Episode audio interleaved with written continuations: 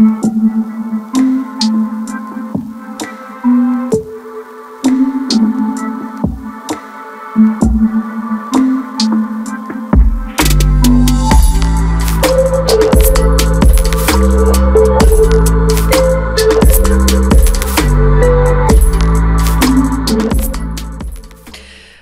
dobrodošli. U narednih pet intervjua tim ekologike pokrivaće teme iz zelenih poslova i žena u zelenim poslovima. U globalno zeleni poslovi su u ekspanziji. U sve, Srbiji, nažalost, to nije slučaj, a ono što je još, jel te, što je još gore je što žene u zelenim poslovima su jako slabo zastupljene. Mi, nama je cilj da u narednih pet epizoda predstavimo pet žena koje se bave zelenim poslovima, da li kroz svoje organizacije ili svoje biznise i one će nam predstaviti svoj, svoj, svoj posao, ali će nam i dati neke savete za druge žene koje žele da se uključe u ovu vrstu posla. E, moja današnja gošća je osnivačica Eat Me Up-a, Aleksandra Lazović-Loningen. Sam dobro sad izgovorila? Jesi. Ovdje, dobrodošla, Aleksandra. Hvala, bolje te našla. Uh, Volio bih za početak da nam nešto malo više kažeš o Eat Me Up-u, revolucionarnom, rekla bih, za, za Srbiju, ali i globalnom, ovaj, globalnom projektu tvom.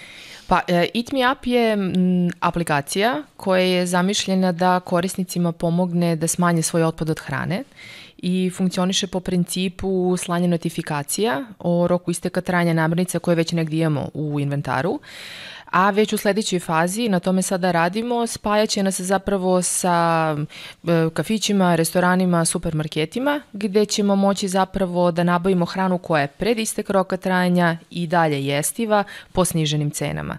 Tako da naša ideja je generalno da smanjimo otpad od hrane na nivou domaćinstava, zašto je to bitna stvar.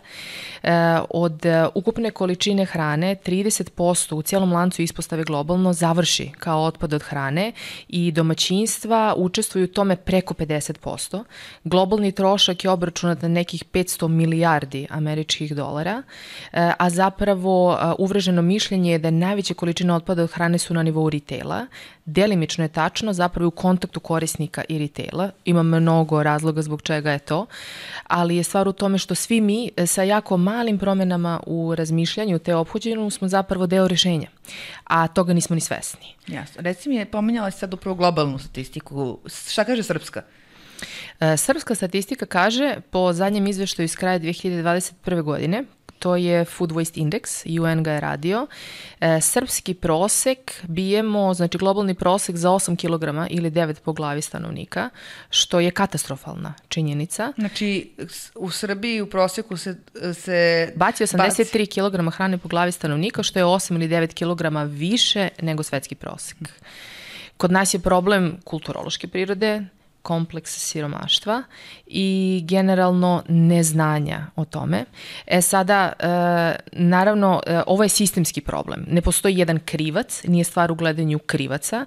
Generalno je lanac ispostavi način na koji smo do sada radili stvari do kada nismo imali informacije o tome koliki je otpad, Radili smo stvari po nekom business as usual modelu, međutim kako već može da se radi assessment nekih podataka, shvatamo gde su neke bušotine, gde bi trebali zapravo da postoji, da odradimo neki improvement i neki napredak.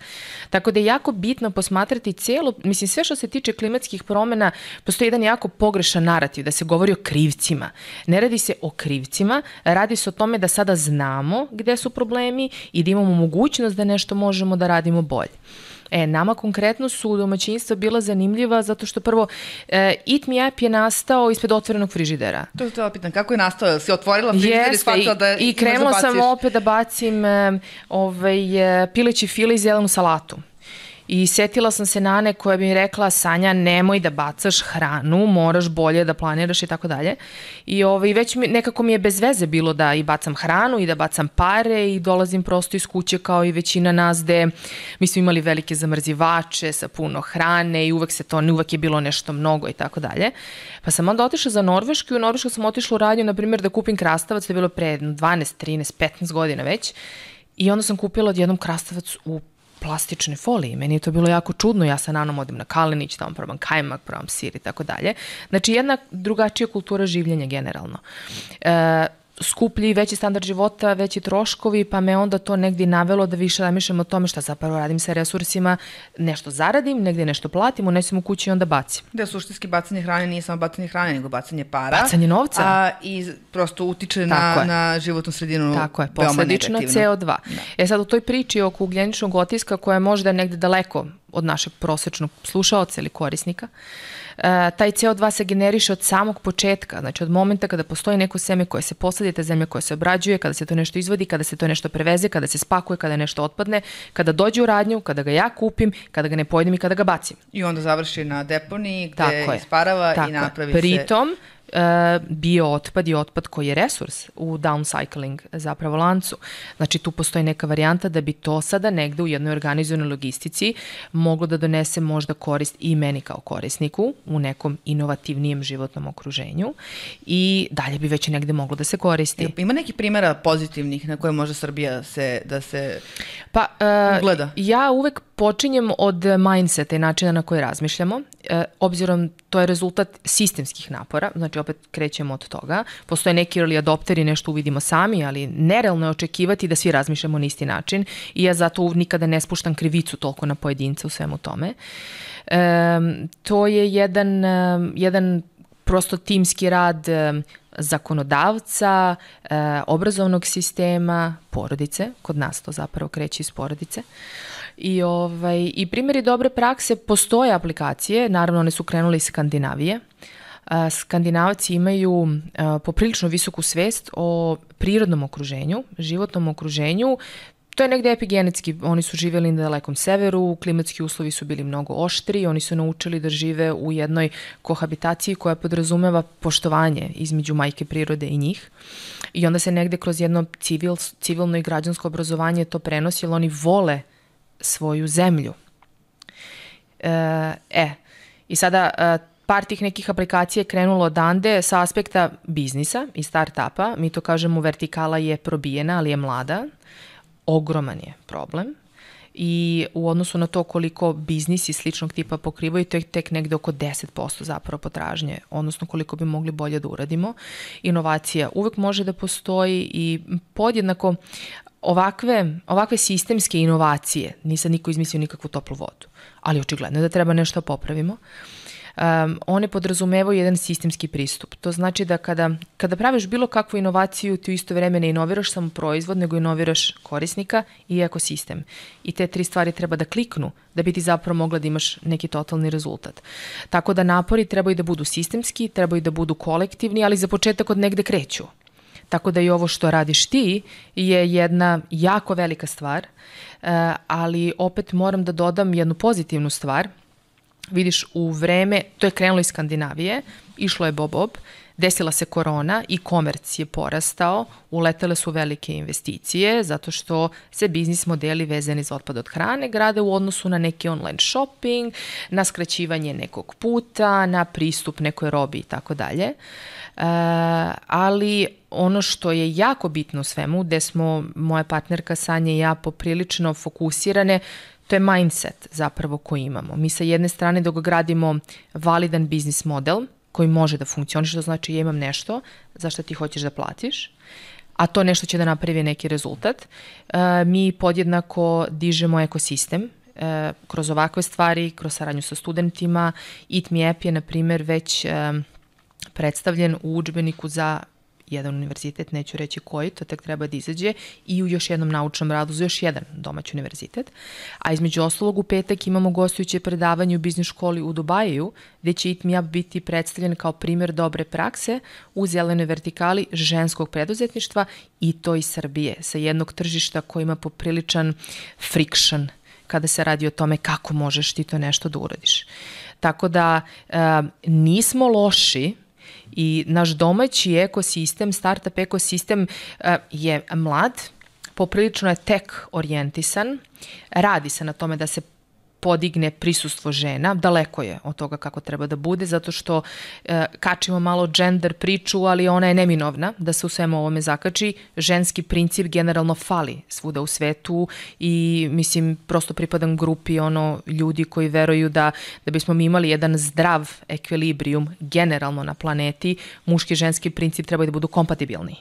Tako da to negde se provlači kroz celu ovu priču i mi verujemo da ženski princip, pristup i biznisu i rešavanju problema, komunikaciji i narativu oko problema je nešto što nam poprilično fali, jer ovakvi sistemski problemi i promene vuku ono što je meni podjednako bitno i čime se bavim, a to je da od osnovne škole, od obdaništa, od onoga kako gajemo svoju decu, kako njima obrazujemo neki mindset, ali oni predstavljaju te buduće generacije, mimo toga što su naša deca, oni su građani i oni su članovi jednog društva koje treba da iznese neke nove ideje u svemu tom. Ja, spomenula si ženski princip i ženski biznise. U Srbiji, nažalost, i dalje manjka njih. U svetu ih manjka generalno, ali ovde je taj procenat još niži nego, nego u svetu. Uh, kako izgleda iz perspektive, kako izgleda kad žena pokreće biznis? Da li se, da li se susrećeš mislim, ne znam da li imaš baš da uporediš nekim, možda li neko tvojih prijatelja, muških prijatelja, jel te, ove, u, paralelno pokretao neki biznis pa da znaš, ali koji su, koje su problemi s kojim, kako je nastao u stvari Itmijap? Kako je izgledalo pokretanje Itmijapa za početak, pa onda možemo da,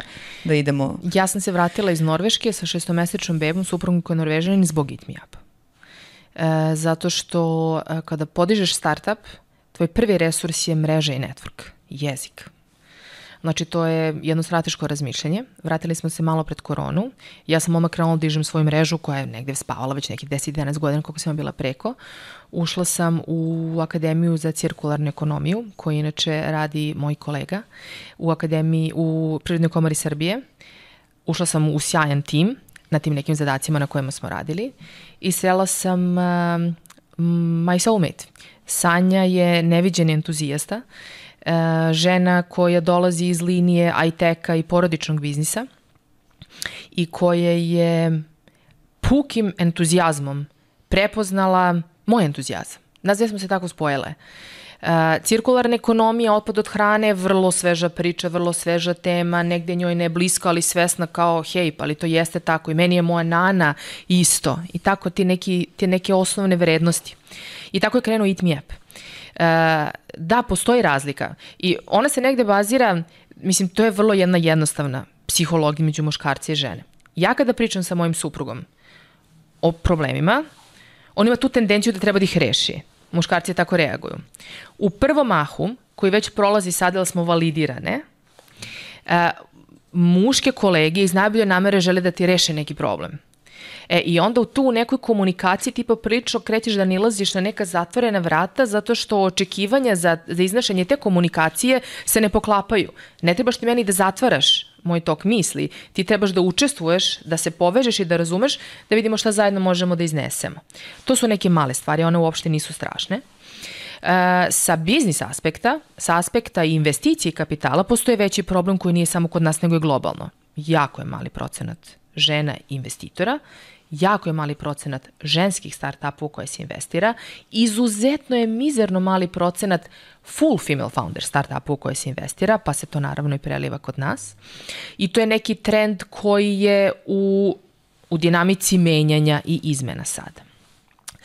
Um, ali, e, žena je nažičena da rodi dete i da ga podiže, da bi ga pustila da ode, da ga spremi. To je kao kad posadiš seme, pa to drvo nećeš ti uživati u tom hladu, nego neko drugi. To strpljenje uh, i vizija i fokus je nešto što ti daju pripremu u tom prvom koraku, ali nešto stvarno moraš da želiš. E, i to je ono što tebi omogućava da ti podneseš sada nerazumevanje okoline. Znaš, moj suprug koliko god da podržava to što ja radim, na što se dešavaju stvari za koje njemu kažem, a zamisli da je obrnuta situacija. Mi ovome, na primjer, ne bismo razgovarali uopšte. Nebitni su detalji, stvari tog osnovnog principa. E, tako da, že, ali mi smo, mi smo opremljene da izdržimo. Mi smo kao bambus e, negde sociološko i kulturološko programiranje ženu postavlja kao neki jači, slabiji pol, ali ja sam potpuno osvestila da žene uopšte nisu nikakav slabiji pol. To je negde tako predstavljeno i mehanički napravljeno. Žene su mnogo jače od onoga što se percipira, ali ne trebaju da budu percipirane kao da treba da zastrašuju sa te strane. Ne radi se o tome. Žena nosi kapacitet i potencijal, nosi snagu, ima određeni set svojih skillova i veština u kojima ako ima priliku, ako je ekosistem takav, daće mnogo više nego muškarac, dok muškarac radi neku drugu stvar. I mislim, generalno cijela moja filozofija kada se radi o saradnji, e, ja nigde ne isključujem jedni drugi, ali smatram da to ne valja. Ne valja sad potencirati ženu i ženski princip, a da sad ne valja. Ne radi se o tome. Znači, ne smemo da pravimo istu grešku. Stvari u tome da se uključuju stvari. E sada, e, naš domaći ekosistem, za ono koliko se i predstavlja, prosto stvarno mi nigde tu nismo naišli na situaciju da to nešto nije, mada i dalje smo negde kao neka lepa biljka koja se ipak negde postavi na nekoj konferenciji, nekom takmičenju, jer je negde stvari neke programske politike, but hey, that's okay. Ja mislim, to prosto negde tako funkcioniše, ali um, kada si pionir i kada vodiš negde u nečemu, uh, ti si negde osetila da to možeš i na sebe preduzimaš odgovornost, onda si big girl. Znači, ok, ništa, tu će biti udaraca, bit će ovoga, bit će onoga, ali kada gradiš nešto i kada radiš, kada uđeš u taj ring, uh, da stvaraš jedan novi deo stvarnosti u jednom novom okruženju, ti moraš da očekuješ da će biti udaraca, da će padneš, da će se slomiš, da će se podineš i da ćeš naći način da ustaneš i da nastaviš dalje. Ili da ili ne, prosto nema veze. Tako da, zanimljivo je da što se tiče samog otpada od hrane, jedna, dve, tri konkurentne, recimo, biznis modela su žene. Je to zato što žene nekako više otvaraju frižider i više vode računa o hrani pa negde im se pre upali lampica? Ja mislim da je, uh, da je to zapisano u našem uh, genetskom kodu. Jer um, hrana je nešto što ljude povezivalo od ognjišta. On je išao negde donosio, ona je spremala, gajila, pripremala i od toga pravila nešto. On donese zidove, ona napravi dom, jel tako? I tako dalje. Tako da nama je hrana povezana sa porodicom, sa zdravljem sa onim što ti izneseš i nečemu ili nekome o kome vodiš računa. I ja negde to po nekom ličnom asesmentu, a ako krenem od sebe, mislim da nam to dodatno daje. Mi smo negde ono generacija već posle naših baka, ono, naše mame, bar u toj mojoj generaciji, ja sam 79 to, nekako su oni ispali izgubljene generaciju u ratu i svemu. Ja poprilično nosim nani naršin odrastanja i mislim da smo negde ono poprilično preneli to i smatram da je to jako dobra stvar u vremenu u kojem živimo. Tako da mi nekako, naša filozofija kada pričamo o problemu hrane, e, mi ga vidimo kao osnovnom nekom humanom i ljudskom elementu porodične vrednosti jer zapravo bar taj jedan obrok bi negde trebao na neki način da bude to neko okupljene porodice na taj način želimo da istaknemo i vrednost porodice i vrednost zajedništva i vrednost opstanka i komunikacije, razumevanja različitosti, prevazilaženja i učenja. Jer kako moramo da podižemo svest o tome da a, kakav je to problem hrane, da podižemo svest da ja stvarno imam problem sa vacanjem. Ja sam znala da ga imam, ali obraćam pažnju na to. Ali, na primjer, ljudi koji su naši rani usvajači ili early adoptersi, e, kažu, ja nisam ni znala da bacam ovoliko hrane. Tako? Znači, Kako ta, ne znaš? Ja ta, znam. Ta Mene boli glava koliko bacam hrane. E, ali imaš one koji ne znaju da u stvari skapiraju da su to tolike zapravo količine hrane i da ako bacim 3000 dinara mesečno, možda nije ništa, ali čekaj, 3000 dinara mi košta plivanje. Mislim, možda bi ga bacila na večer, nema veze, ali stvar u tome što počneš da stičeš utisak o resursima. To onda i sa druge strane ima neke, i neke veze i sa nekom ličnom psihologijom i posljednjem nekih granica, ali ako hoćemo da budemo održivi, održivi kao ljudi i kao osobe, onda moramo kako sa nekim ličnim energetskim resursima, tako i sa hranom. Kao jednim od resursa moramo da znamo kako baratamo, a te stoga idu i neka očekivanja od nekog kolektiva, od ostalih građana, od države i tako dalje. To je preduzimanje lične odgovornosti. I mislim da mi to negde poprilično um, komuniciramo kada god imamo priliku, zato što znamo da smo deo rešenja i da možemo da budemo. Znamo da ne moramo da uradimo mnogo, znamo da nije samo do nas, jer uvek ide kontra argument, a industrija, a bilioneri. Stoji. Ali ja znam da ja mogu da uradim nešto. Ako ništa drugo da mi veće pravo da onda pokažem na tamo onog nekog drugog, ali ne valja u tom jednom mentalnom žičanju taj pristup da uvek gledaš nešto sa strane što ne valja, a da zanemaruješ onih deo gde zapravo i sam možeš da uradiš nešto. Jasno, pričali smo o tom sistemskom delu. Kakva je reakcija kada sarađujete ovaj negde i sa rekla si mi sa PKS-om i... Pa, uh, postoje jako veliki Ima napori. Ima li bolje da se to... Ima, postoje veliki napori da se, uh, da se povežu stvari. I dalje su više na nivou pojedinaca pred institucijama ili određenim manjim ekosistemima. Ali ja sve to gledam, to mora da je tako na početku. Mislim, jedna lasta ne čini ja to, ali kad nešto dovoljno puta ponoviš negde, e, mi imamo friction e, što se tiče policija i policy makera, to je činjenica. Uh, i oni imaju all eyes on them, zato što taj jedan deo koji mi možemo da uradimo na ličnom nivou, to stoji, ali ne rešava ceo Absolutno. problem. Bez sistema, bez razvrstavanja otpada, Tako bez mogućnosti reciklaže, mi džabe što je. ja ne bacam hranu, a kad nemam posle da, da, da šaljem s onom koja je ostala na kraju. Istina, ali, i u tome ima ali, uh, mi treba da podižemo našu decu u skladu sa tim vrednostima, će oni postati jedna masovljena grupa u jednom trenutku koja će onda pomoći da se zapravo neke stvari promene. Moj suprug, pošto je on norvežanin, on tako kada, ne znam, kritikujem, onda on kaže da, ali tako i tamo bilo pre 20 godina kasnite, ali i onda mi u stvari skrene pažnju da postoji neki progres ipak, mi nekako zaboravljamo da ga vidimo, tako da ja uh, uvek volim da, da ostajem vrlo svesna toga, ok, sad ne valja, neke stvari su definitivno bolje sada nego i prošle i preprošle, tek pre, a tek pre deset kad sam ja otišla, to, to nije mala stvar. E, Privredna komora Srbije, Centar za cirkularnu ekonomiju, fantastični ljudi rade tamo. To je jedna mala jedinica, ali ovaj, jaka i ljudi se trude, ali ako bi e, sela da razgovaraš sa Sinišom koji vodi celu priču, on je čovek vuk koji pliva u svemu tome decenijama unazad razne političke smene je prošao i on je u srži problema i privrede i ekonomije i ekologije održivog razvoja. Ovaj, on ne bi bio toliko pozitivan kao što sam ja, ali je jedna velika pokretačka snaga da se zapravo stvari menjaju. I on je čovek koji svoj radni dan provodi tako što putuje po fabrikama, selima, gleda e, industrijske procese, resurse i tako dalje. Znači to je mimo otpada od hrane ali ja bih i dalje rekla da se stvari dešavaju. Ali ono što je jako važno što si pomenula malo pre jeste ovaj, e, ta ženska pokretačka snaga. Šta treba ženama sa tom svojom snagom e, da pokrenu jedan biznis? Koliko je teško? Gde, šta im ti savetuješ da budu? Pa ćemo onda pričati na kraju i o, o baš...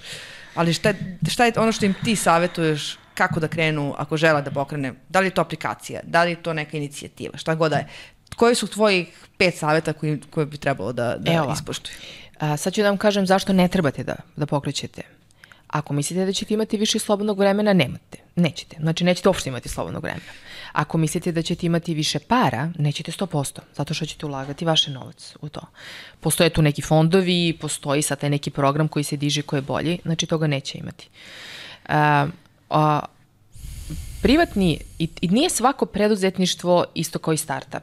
Znači, to isto, da li je neko će da podigne neku malu piljaricu koja je super, ili neku e, prodavnicu eteričnih ulja i biljaka koja meni sano jednom trenutku kad se penzionišem, to je jedna priča. Ali ako, ako stvarno dižeš nešto, kada radiš nešto što ima neki impact value, u ovom slučaju kao na primjer što je smanjenje otpada od hrane, ti stvarno moraš da želiš da imaš uh, impact I mislim da uh, onaj deo mene, koji sam ja negde ono kroz neki soul searching uspela da zapravo prevedem u nešto praktično, ja sam od uvek bila aktivista i revolucionar. I to je stvar i moje prirode i moje energije, ali sam shvatila da se ne menja tako nešto, a moja želja da uradim nešto je uvek bila velika.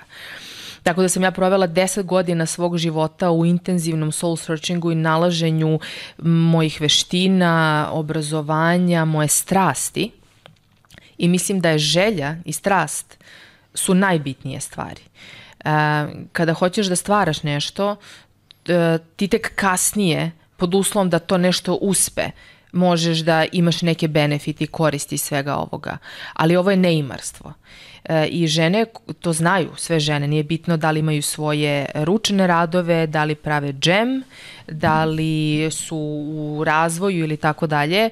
One znaju da je jako teško zato što je jako teško imati balans između toga da održavaš sebe, jer si centar, svoju porodicu, svoj posao, svoje odnose. E, I mi to ne blendujemo sve u jedan Kod muškaraca to funkcioniše drugačije i to je okej. Okay. Ali žena sebe jako mnogo daje na svim tim poljima. Tako da je jako bitno i znati sebe u svemu tome. Nema ništa loše u tome probati, ali probati pametno, pa videti gde možeš, gde ne možeš. Moraš pametno da nastupaš, prosto kao i u svemu. E, u principu sada se poprilično otvaraju programi koji bar po onome što pričaju bi ženama i postoje i, i organizacije i da ti daju neku liniju komunikacije koji će protiv uštedi mnogo vremena što je za početak jako bitno. Mislim da je dobro povezivati se s drugim ženama, praviti neka okupljana gde žene... naći ženska udruženja. Networking je jako Da. bitan, od toga sve počinje. Ta neka razmena iskustava, neki know-how, neki support, da sa nekim porazgovaraš, da imaš negde gde... Sve kreće zapravo od networkinga i samog starta. To je prva i osnovna stvar. A onda posle jako je bitno alocirati problem. To je sad biznis razmišljanje. Mora da postoji neki problem. Mora da ima neko ko hoće ti plati za nešto. Da li ćeš ti meni da skuvaš e, džem pa ću da ga kupim, ali nemam kada da ga pravim. Ja nemam taj šporet, a volim domaći džem. Meni to rešava problem. Imam drugaricu koja to radi. E, ili će da bude neki drugačiji koji rešava neki globalni problem ili će bude nešto manje ili ćeš da radiš nešto iz hobija. Ali mislim da je taj prvi napor jako bitan da možeš i da napriš assessment i sama da li ovo što ja radim hobi ili mogu da imam biznis iz svega toga. I to prosto ne možeš da znaš dok nešto ne kreneš da radiš. Ali s- mislim da nikad nije bilo bolje vreme nego sada da žene nešto kreću i da pokreću. Zašto? E, zbog ekosistema koji je svakako bolji nego što je bio, zbog toga što nove mlade generacije žena dolaze koje nose um, jedan evolutivni napredak i mislim da tu nije stvar u broju, nego u kvalitetu i mislim da to po prilično jednom feedbacku zajedno nam daje jednu snagu. Uh, I mislim da treba više da se nalazimo, pričamo o našim, ne iskustvima iz posla, nego našim ličnim doživljajima nas u cijeloj toj priči. E, I ja, mislim, kao što žena doprinesu porodici i muž doprinesu porodici ili u vezi ili kakva god je ta porodica, kakvu god formu da ima, uvek je stvar sadržaja, nikad nije stvar forme. Ovaj, mislim tako da i u preduzimanju nekih privrednih aktivnosti, zavisi koja industrija, nije isto za Beograd i za Vranje, To su jako velike razlike i mislim da, da ta prosto infrastruktura, e, ta geolokacija i starta da jednu ogromnu diskriminaciju. Ja mogu da sedim ovdje da pričam šta hoću. Ja sam uspela da nekako nešto uradim, ali e, koliko god to može da zvuči nekom ko sluša da, e, a sad ona bila tamo, pa je sad ovde, nije. Ja, ja sam mislila da ja sam se divila onima koji mogu i želela sam jednog dana, ali dugo sam mislila da ja ne mogu to. Ali ipak sam negde znala da mogu, ali nisam onda znala kako. I sad to je neki moj put. Neko drugi će odmah da se odvaži. Ove, tako da, m, bitno je da žene imaju podršku, e, pogotovo u ruralnim delovima, zato što je kultura mnogo teža i mnogo oštrija i zato što brojke koji direktno nemaju veze sa biznisom, imaju veze sa nasiljem u porodici, govore o tome kakav je položaj žene, kako takva žena koja ne može da opstane, može da razmišlja o nečemu drugom. Tako da je sve to zajedno vrlo, vrlo Rodne uloge su povezano. mnogo jasnije u, ruralnim delima, to je, kada kažem, jasnije, okrutnije prema ženama nego... Tako je. Nekako mi ovde imamo neku vrstu privilegije, ne sve nažalost i dalje, ali Tako imamo je. neku vrstu privilegije da možemo se sloniti. E, a žena, e, žena treba da ima e, privilegiju, da ima slobodu izbora u skladu sa svojim mogućnostima. A to za start podrazumeva e, da je niko ne maltretira. Tako da jedan deo, mislim kada govorimo o ženama i e, ženskom prisustvu u biznisu, u privredi, u obrazovanju, bilo gde van kuće, je bitno da je niko ne ugnjetava. Ovaj, ali mislim da je to negde prosto moć onda i okupljanja žena, a samo omasovljenjem mogu da se rade pritisci na nekog policy makera, na neku generalnu kulturu, ne dešavaju se promene preko noći, moramo da budemo strpljivi, ovaj, ali treba da se radi i da se priča. Hvala. Nema na čemu, hvala Ja, tebi. imam za kraj volim da pitam moje sagovornike da li ima nešto što bih možda volila da dodaš, a da nismo prošle kroz ove, kroz ovaj dvadesetak minuta. E, Ja bih se tebi prvo zahvalila e, za inicijativu ovaj, i mislim da je, imam još jednu drugaricu koja isto radi sa ovaj, stavljanjem spotlight žena i tako dalje i mislim da ste jako bitne u ovom našem ekosistemu zato što ste negde prosto otvor za neki voicing. I, a, što se tiče teme održivog razvoja, otpada od hrane, zelenih projekata i start-upova, o tome mora da se priča. Ja verujem da mi ovde um, istorijski, kulturološki imamo jednu jako veliku prednost. Mi smo narod koji je navikao da mora da zavrne sistem negde. E sad ta održivost i kreativnost ako se spaku jedan kvalitetan ekosistem ili jednu metodologiju, ona može mnogo toga da iznese i mislim da imamo... Možemo zavrnemo sistem ali možemo i da stvorimo nešto, Absolutno. jer možemo da budemo rezilijenti. Kao tema održivog razvoja i, i klimatskih promena i ekoloških jel, te poslova je preširoka da bismo je pokrili u 20 minuta koliko Jeste. imamo ovde, ali tu smo pa ćemo se vidjeti još. Apsolutno, hvala. Sa Aleksandrom smo pričali, pokrili deo, samo deo onoga što zeleni poslovi i zeleni biznisi čini i kako to izgleda za žene u, ovaj, u tim istim poslovima i tom biznisu. U naredne četiri epizode razgovarat ćemo sa jednako sjajnim i jednako sposobnim ženama koje su prošle kroz različite vidove udruženja, udružava, udružavanja i, ovaj, i različite stepene pokretanja biznisa i pokretanja inicijativa i nadam se da ćete i dalje nas gledati i da ćemo zajedno nekako učiniti ono što je rekao Aleksandar, zavrnuti sistem zajedno. Eto, to je to. Hvala vam puno, pa se vidimo u narednoj epizodi. I hvala ti još jednom, Aleksandra. Hvala.